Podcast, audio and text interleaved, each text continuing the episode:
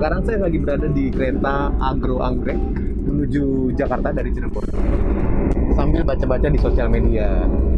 Terus saya lihat-lihat nih, lagi ramai diperbincangkan adalah antara orang-orang yang pamer kekayaan dan pamer perjuangan.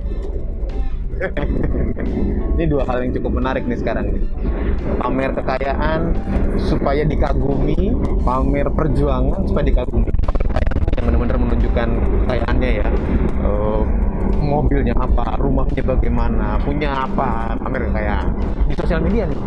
Tapi ada juga yang pamer perjuangan, memulai dari nol, memulai dari minus, berusaha bisa-bisan, mendapatkan banyak cobaan di sosial media juga buat saya sebenarnya dua-duanya bebas-bebas aja semua orang mau menunjukkan sesuatu juga bebas-bebas aja tapi kalau bisa jangan pamernya yang dimunculkan. Kalau ada kekayaan dan memang terlihat ya nggak apa-apa. Kalau ada perjuangan dan bisa menginspirasi ya nggak apa-apa juga. Tapi bukan pamernya. Pamer itu dalam kata memang harus dilihat ditunjukkan diberikan supaya orang muda untuk melihat bahkan diucapkan. Seperti saya sudah punya uang sekian, saya sudah punya harta sekian, saya sudah punya mobil sekian ini, saya sudah punya rumah yang begini. Atau perjuangan, saya dulu begini, saya harus begini. Kalau saya perjuangan saya sekeras ini. Hasilnya apa? Hasilnya terlihat bahwa sepertinya ketika ingin menyampaikan sesuatu yang mungkin tujuannya untuk menginspirasi atau mencari subscriber atau follower, saya nggak tahu ya. Tapi yang terlihat adalah ingin menampilkan keberhasilan keberhasilan itu jangan ditunjukkan tapi biar orang lain merasakan menjadi bagian dari keberhasilan. Ingat ya. Keberhasilan itu bukan sesuatu yang harus kita tunjukkan tapi biar orang lain ikut merasakan keberhasilan yang sudah kita lakukan. Supaya orang-orang tersebut terinspirasinya bukan karena iri karena marah karena kok begitu tapi terinspirasinya karena ikut merasakan bagian dari keberhasilan kita. Nah itu yang harus diutamakan. Itu satu. Kedua dari fenomena orang-orang ingin berbagai macam menunjukkan sesuatu sekarang ini membuat kita lupa bahwa perjuangan orang itu berbeda-beda dan keberhasilan orang atau kekayaan orang itu juga ukurannya berbeda-beda. Kalau ada bisa dilihat di belakang saya uh, persawahan gini kan. Sangat indah sangat bagus menunjukkan. Buat saya ini adalah sebuah inspirasi bagi kita bahwa alam itu memberikan banyak dengan berbagai macam cara.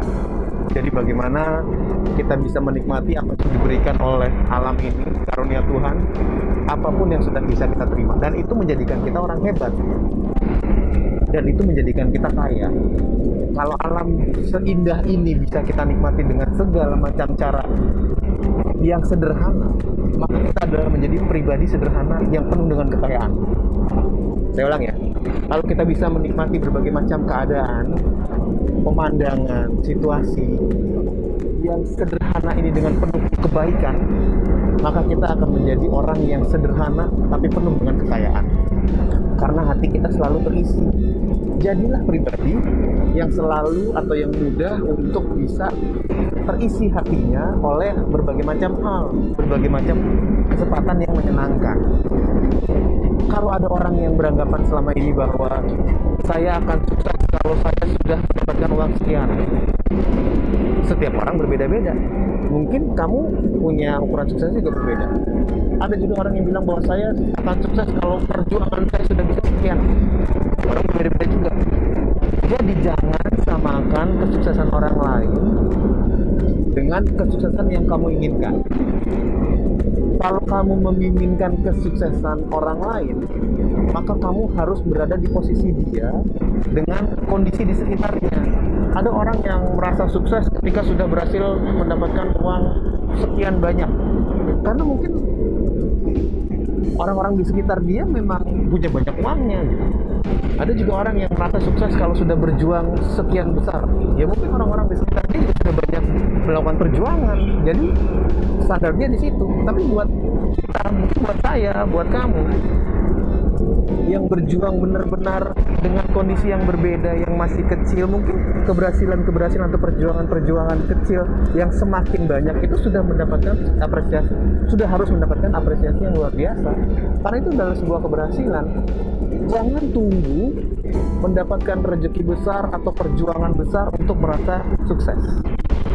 Saya ulang ya, jangan tunggu mendapatkan uang besar, uang banyak, atau perjuangan besar untuk bisa merasakan sukses.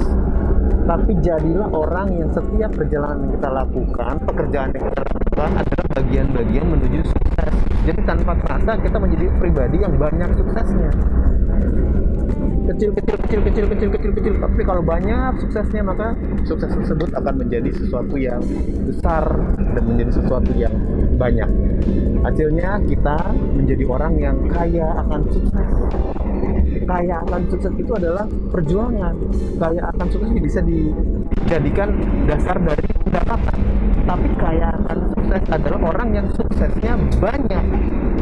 Orang yang suksesnya banyak itu nggak harus besar. Beberapa waktu yang lalu saya ke Samosir dan Toba ada yang punya pendapat bahwa ketika jualan satu harus bisa menghidupi untuk seminggu berarti kan itu besar ya? Dia jualan satu benda itu untuk mendapatkan sebuah penghasilan yang besar. Ya bebas-bebas saja ada yang begitu. Tapi ada juga orang-orang yang gak apa-apa kecil-kecil sedikit asal terus menerus nah orang-orang yang kecil-kecil sedikit ini berarti untungnya banyak dari yang kecil-kecil. Sementara yang menunggu satu untung besar itu ya cuma sekali untungnya sehingga kalau dihitung secara kuantitas lebih banyak yang kecil-kecil. Nah sukses juga begitu. Kalau kita bisa merasakan mengapresiasi bersyukur terhadap sukses-sukses kecil maka kita bisa menjadi pribadi yang kaya akan sukses. Mudah-mudahan kita semua bisa mendapatkan hal tersebut ya menjadi pribadi yang kaya akan sukses. Nah bagaimana caranya? Pertama tentunya harus terus berusaha dalam setiap usaha dalam setiap perjuangan saya percaya bahwa kita juga akan diikuti oleh pendapatan dan penghasilan. Apalagi usaha kita ditujukan juga untuk orang lain sehingga bisa menjadi bagian dari kepanjangan tangan Tuhan lewat kita untuk mengkayakan orang lain memberikan rezeki untuk orang lain. Banyak tuh rezeki yang lewat dari kita kita dan juga buat orang-orang di sekitar kita. Sama setiap perjuangan yang kita lakukan berjuanglah untuk kebaikan. Sehingga kita dibuka jalan-jalan lainnya agar setiap yang kita lakukan dalam tindakan kita ini adalah tindakan yang juga akan membantu orang lain untuk menjadi jadi kita tanpa terasa menjadi pribadi yang punya banyak pendapatan dan punya banyak keberhasilan karena perjuangan yang kita lakukan, perjuangan untuk orang banyak. Itu semua bisa kita lakukan kalau hati kita termotivasi. Karena hanya dengan hati yang termotivasi, maka hidup bisa akan lebih berarti. Saya Hilbram Gunar.